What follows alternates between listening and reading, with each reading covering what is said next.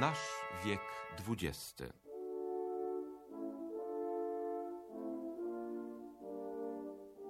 Postacie, Celui qui fit triompher la France républicaine de l'Allemagne de Guillaume II. cienie e i demony. Deutschland, sieg heil! Zegar historii cofamy dziś o 28 lat. Jest grudzień 1972 roku.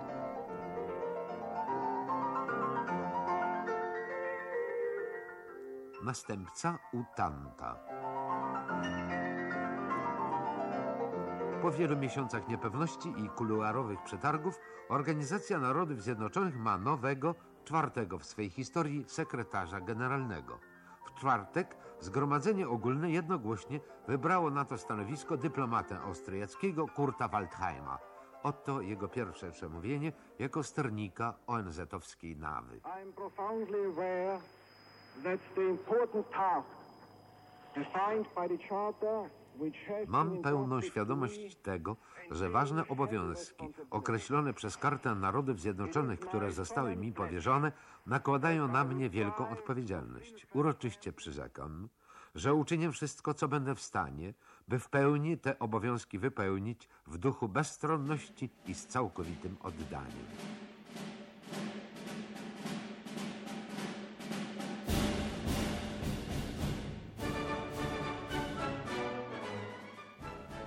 W naszej galerii postaci XX wieku Kurt Waldheim w glorii sławy, dokumentowanej nagraniami archiwalnymi i niesławy, w jaką popadł dość niespodziewanie u kresu swej błyskotliwej kariery politycznej. O tym przede wszystkim będę rozmawiał z dzisiejszym gościem audycji, redaktorem Bolesławem Broszczakiem.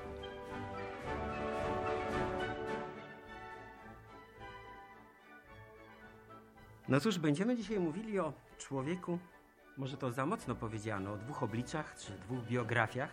Powszechnie znanym polityku, który wywarł swoje piętno na polityce światowej w swoim czasie, ale jednocześnie nosił ze sobą pewną tajemnicę, prawda? Kurt Waldheim, rocznik 1918. Muszę panu powiedzieć, że zacząłem się zastanawiać, czy po tej rozmowie nasi słuchacze ocenią tę postać pozytywnie czy negatywnie. Co przeważy, no ale zobaczymy. No właśnie, w encyklopediach, przynajmniej naszej, można przeczytać polityk austriacki, działacz Partii Ludowej od 1945 roku w służbie dyplomatycznej. No ładny początek kariery. Zważywszy na rocznik, o którym wspomniałem, 1918, miał wtedy 27 lat, czyli był już dorosłym człowiekiem i oddanym służbie dyplomatycznej Republiki Austriackiej, która pojawiła się na mapie dość niespodziewanie po wojnie, prawda? Tak, no przecież pamiętamy, że były i to bardzo ogromne ciągoty Austriaków, Niemców austriackich, mówiąc inaczej, do połączenia się po rozbiciu imperium tego austro-węgierskiego z Niemcami. Przez parę ładnych lat po zakończeniu I wojny światowej cały czas trwała dyskusja, czy Austria w ogóle ma szansę i czy jest w ogóle sens, aby była niezależnym, niepodległym państwem.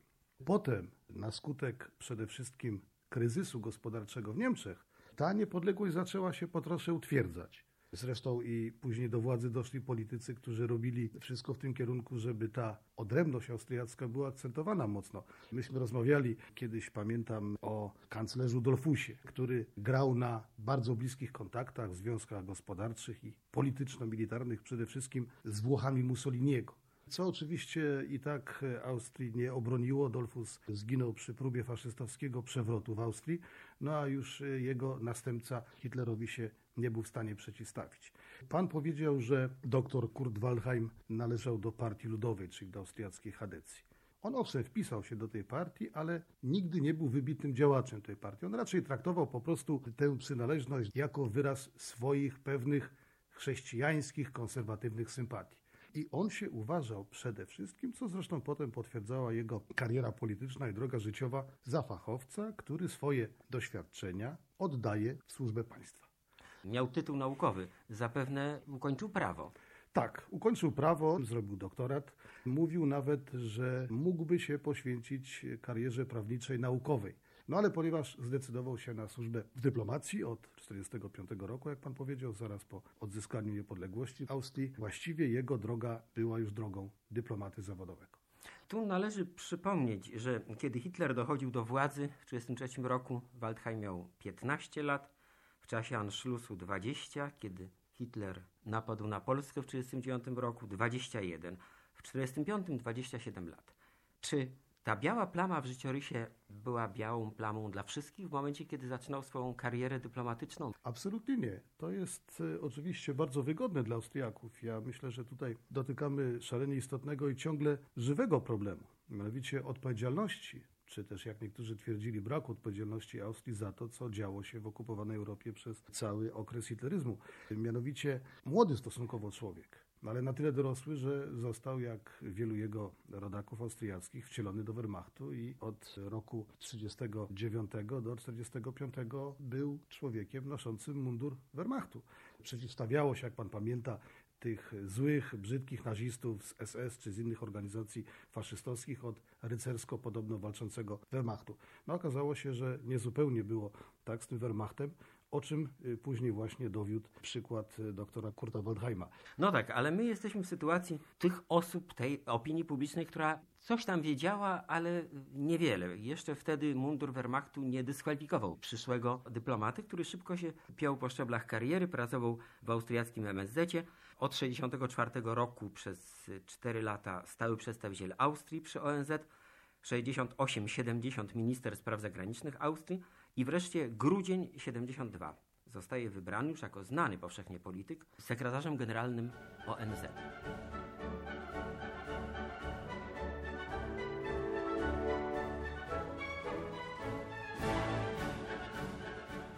W przeciwieństwie do prawie filigranowego poprzednika, należy ze swoim ponad 190-centymetrowym wzrostem do rekordzistów w nowojorskiej wieży Babel – Posiada figurę człowieka, który uprawia jeździectwo, żegluje, jeździ na nartach i pływa w każdej wolnej chwili. Mówią o nim, że jest dyplomatą starej szkoły, zawsze w ciemnym garniturze, z kamizelką, w śnieżno-białej koszuli, w stonowanych krawatach, szpakowate włosy dokładnie zaczesane do tyłu, wygląd niemal arystokratyczny. Mówi płynnie po angielsku i francusku, z prawie niedostrzegalnym austriackim akcentem.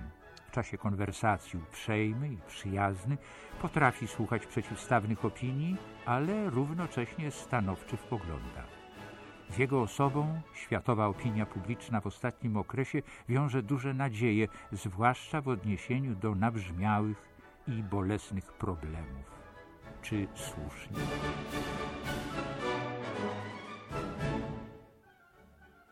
Jeżeli sięgam pamięcią do momentu wyboru, to przypominam sobie dobrze, że jeśli były, a były to opory bardzo minimalne. Otóż te opory były większe ze strony Stanów Zjednoczonych i państw zachodnich niż na przykład ówczesnego Związku Radzieckiego.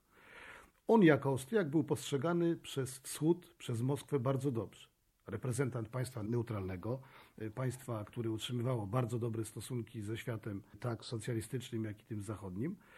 I był człowiekiem, który gwarantował tak to się przynajmniej wtedy określało, pewną równowagę jako sekretarz generalny. To znaczy rodził nadzieję, że będzie to człowiek, który potrafi wypośrodkować interesy wschodu i zachodu i także trzeciego świata. Zresztą dał temu wyraz. On uchodził za człowieka i potrafiącego godzić sprzeczne interesy wschodu i zachodu, i człowieka wyjątkowo spolegliwego, jeśli chodzi o naciski wielkich. Prawo mórz i oceanu.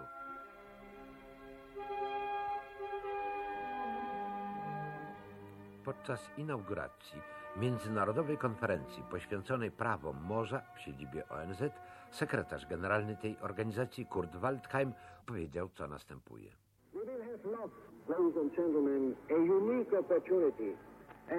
Nadarza się obecnie jedyna okazja do sprawiedliwego i zgodnego z rozsądkiem rozwiązania sprawy wykorzystania mórz i oceanów dla dobra całej ludzkości.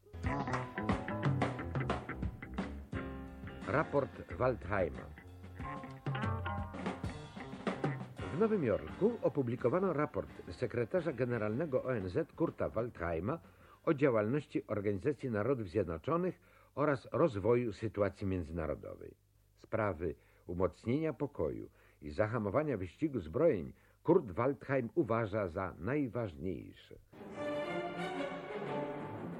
W minioną środę zakończyła się sesja organizacyjna Komitetu Przygotowawczego do specjalnej sesji Organizacji Narodów Zjednoczonych w sprawie rozbrojenia. Podczas sesji zabrał głos sekretarz generalny ONZ Kurt Waldheim. Przykro to stwierdzić, ale Organizacja Narodów Zjednoczonych nie może wypełnić wszystkich obowiązków nałożonych na nią postanowieniami Karty Narodów Zjednoczonych i prawa międzynarodowego do czasu, aż nie zostanie osiągnięty poważny postęp w dziedzinie rozbrojenia, oparty na wspólnej odpowiedzialności oraz zadeklarowanym i przestrzeganym wspólnym zaufaniu.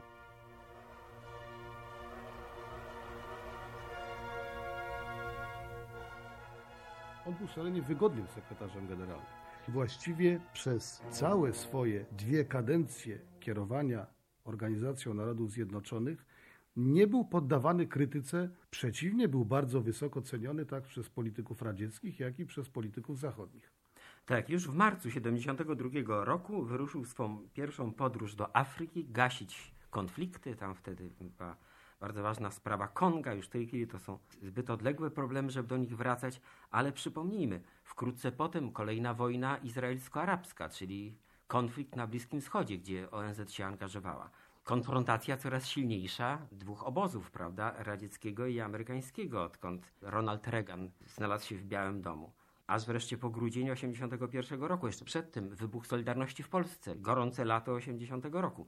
Czy on się wypowiadał w tych sprawach, czy był aktywnym politykiem na tyle, że miał swoje zdanie w pewnych kwestiach? Swoje zdanie z całą pewnością miał, tylko czy to zdanie uzewnętrzniał na forum międzynarodowym, na forum publicznym. Otóż ja powiem z całym przekonaniem, że nie. W przeciwieństwie na przykład do swego następcy, norweskiego dyplomaty, który uchodził za człowieka mówiącego o tym, co myśli Javiera Pereza, Waldheim właściwie swego stanowiska indywidualnego nigdy nie prezentował. I właściwie jego wszystkie wypowiedzi były pewną wypadkową, czasami bardzo sprzecznych, odmiennych interesów wielkich. On jako sekretarz generalny słynął z tego, że wypowiadał publicznie to, co zadecydowało się w czasie konsultacji Moskwy, Waszyngtonu, Paryża, Londynu, przedtem jeszcze Tajwanu, a potem Chin Ludowych.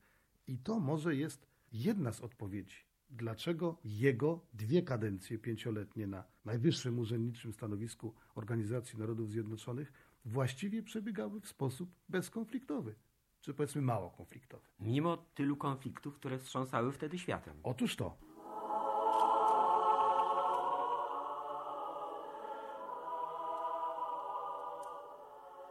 W lipcu 77 roku Waldheim po raz drugi odwiedził Polskę. Uroczystość wręczenia doktoratu honoris causa Uniwersytetu Warszawskiego.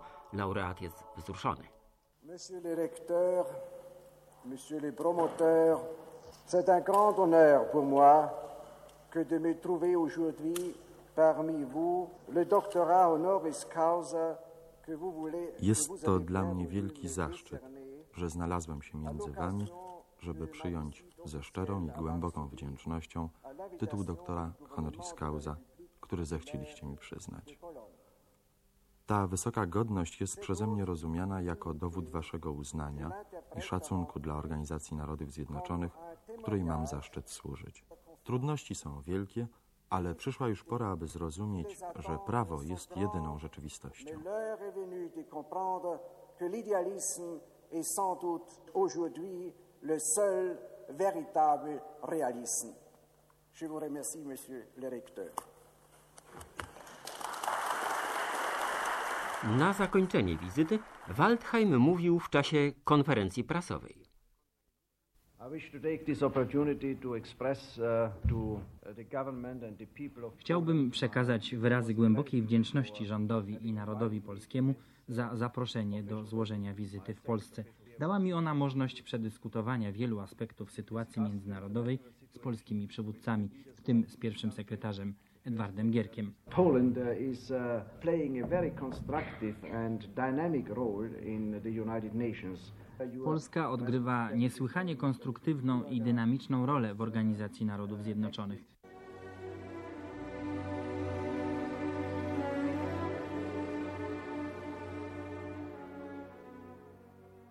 Tak, zakończył e, swoją drugą kadencję, jak pan powiedział, w grudniu 1981 roku i przeszedł do pracy naukowej. Od 1982 roku jest profesorem dyplomacji na Uniwersytecie w Waszyngtonie, czyli tam miał dobrą opinię, prawda, i to sekretarzowanie mu się przydało. Ale krótko, bo już w 1986 roku, co się wydaje naturalne, zostaje wybrany prezydentem Republiki Austriackiej. Zostaje wybrany prezydentem Federalnym Republiki Austriackiej jako człowiek wtedy bezpartyjny, ale zarekomendowany na to stanowisko przez y, partię chadecką, przez partię ludową. Wtedy świat sobie przypomniał nagle pewne zasłości wojenne z jego życiorysu.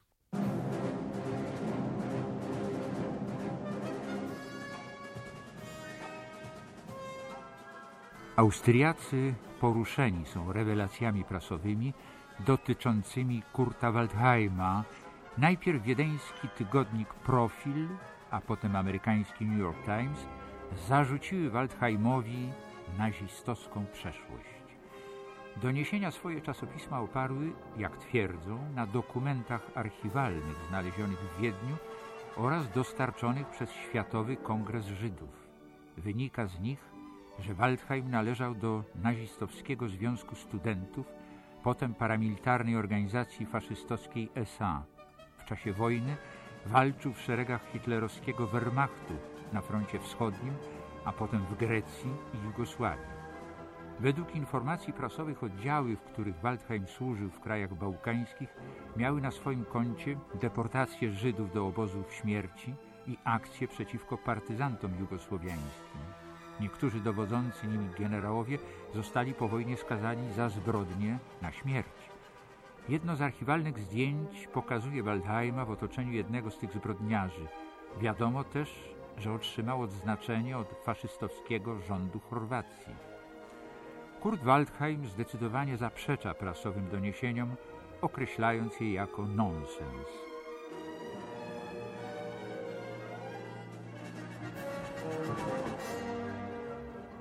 Czy była to biała plama? Ja myślę, że w Austrii na pewno to biała plama nie była. Y, politycy, którzy Austrią rządzili, to zarówno chadecy, jak i socjaldemokraci, czy socjaliści austriacy, inaczej mówiąc, doskonale o tych czarnych dosyć stronach życiorysu pana Waldheima wiedzieli. Po prostu wtedy Austriacy zostali niejako rozgrzeszeni. Austria cały czas jawiła się po odzyskaniu niepodległości jako pierwsza ofiara hitleryzmu, a więc ci nawet wszyscy, którzy się otarli o tą zbrodniczą machinę III Rzeszy, traktowani byli w sposób wyjątkowy. No, po prostu były takie okoliczności, natomiast Austriacy jako naród byli również ofiarą niemieckiej agresji. No, oczywiście nie była to prawda do końca.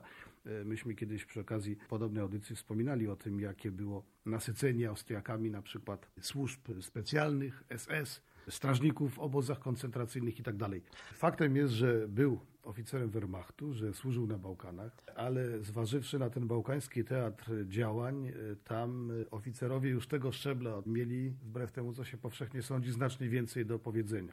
I Wehrmacht Podobnie jak y, w Polsce i w Rosji, bo może na zachodzie Europy to dokonywało się w mniejszym zakresie.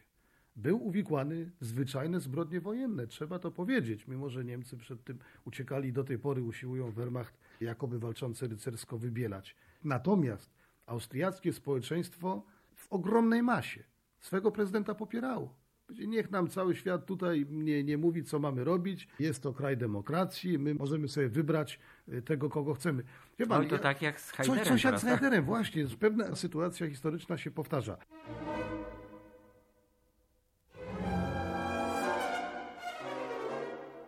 Ale cienie przeszłości wciąż wloką się za Waldheimem, prezydentem republiki.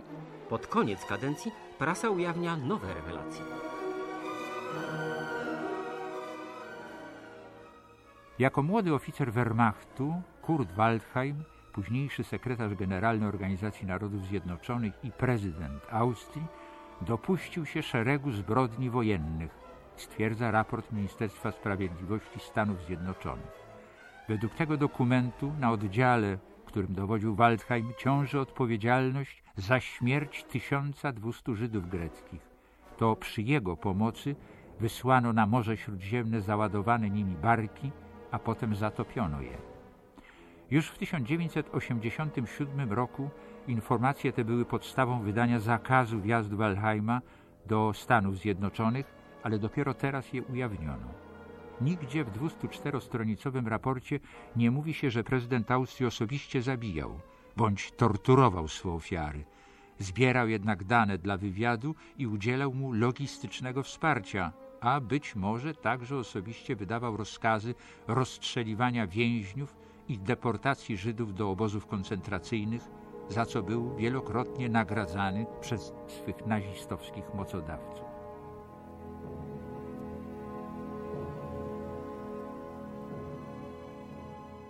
Pamiętam, mam takie sławne zdjęcie Waldheima właśnie w mundurze kapitana Wehrmachtu, w wysokich butach, spodnie w te buty wpuszczone, siodłata czapeczka taka wygięta na głowie. I nie chodziło tylko o wyłapywanie i przesiedlanie i mordowanie Żydów, ale także i o prześladowanie partyzantki jugosławiańskiej, o dokonywanie czystek etnicznych. Jednym słowem okazał się człowiekiem, który, no mówiąc najkrócej, miał ręce w tych zbrodniach hitlerowskich w jakimś stopniu unurzone. A przede wszystkim na wywleczeniu tej jego czarnej przeszłości zaważyło nagle zmienione stanowisko społeczności międzynarodowej żydowskiej. On jako sekretarz generalny ONZ-u nikomu nie przeszkadzał. Ja wspomniałem już, że właściwie to jest sprawa zamknięta, to było kiedyś, teraz y, budujemy nową rzeczywistość, nowe państwo.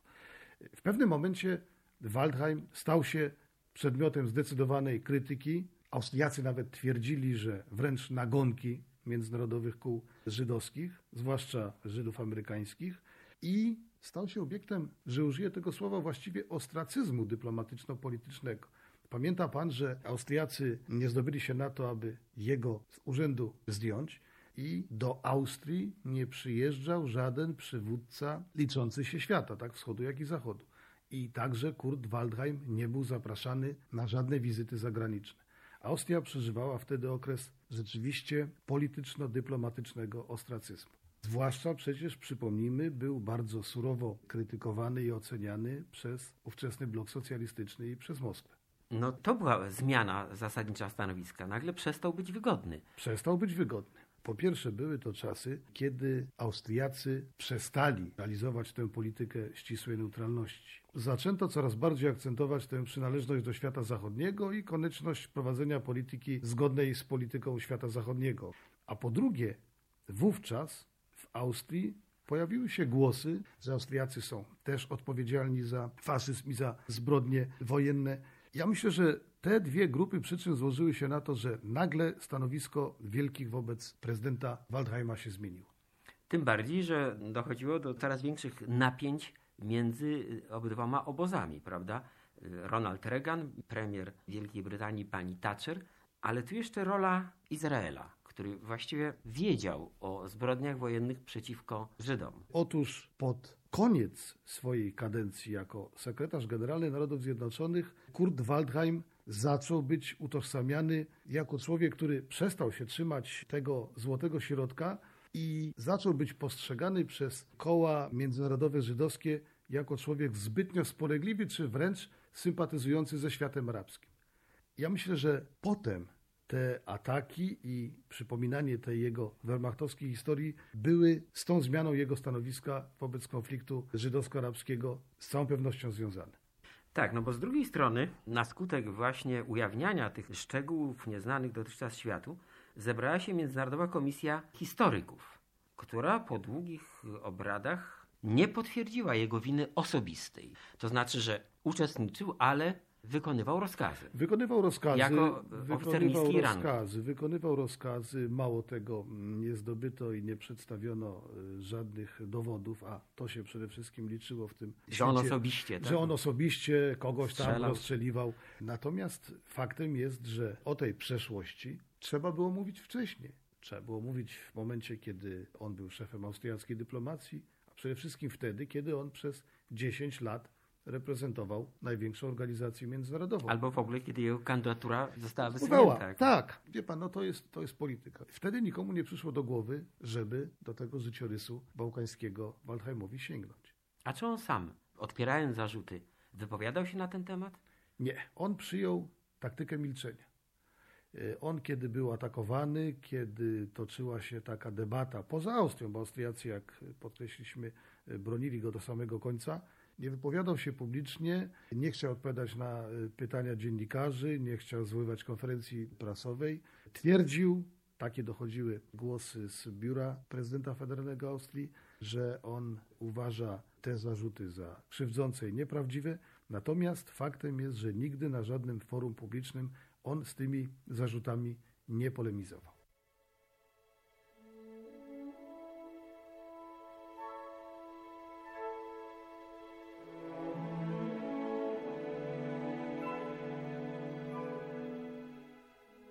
Jak to dobrze być wiedeńczykiem w letni wieczór na tarasie starej kawiarni Landmana w słodkim zapachu lip kwitnących na ringu.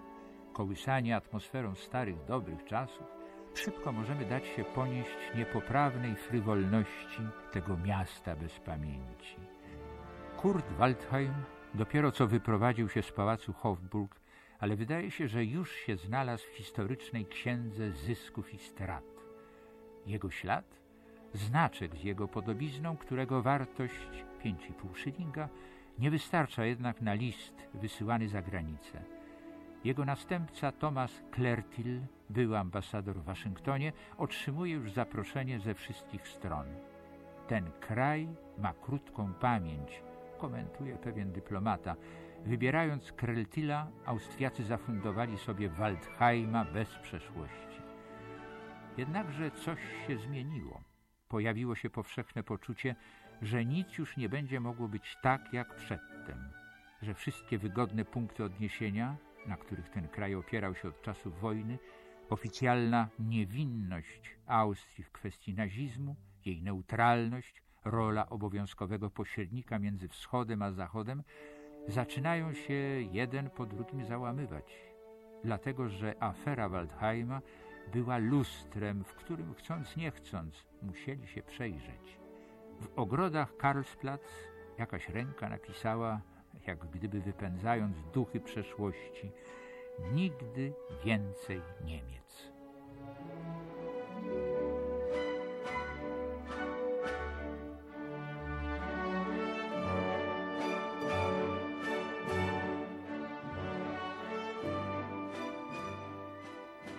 W każdym razie, mimo zarzutów, jego kadencja prezydencka nie została przerwana, prawda?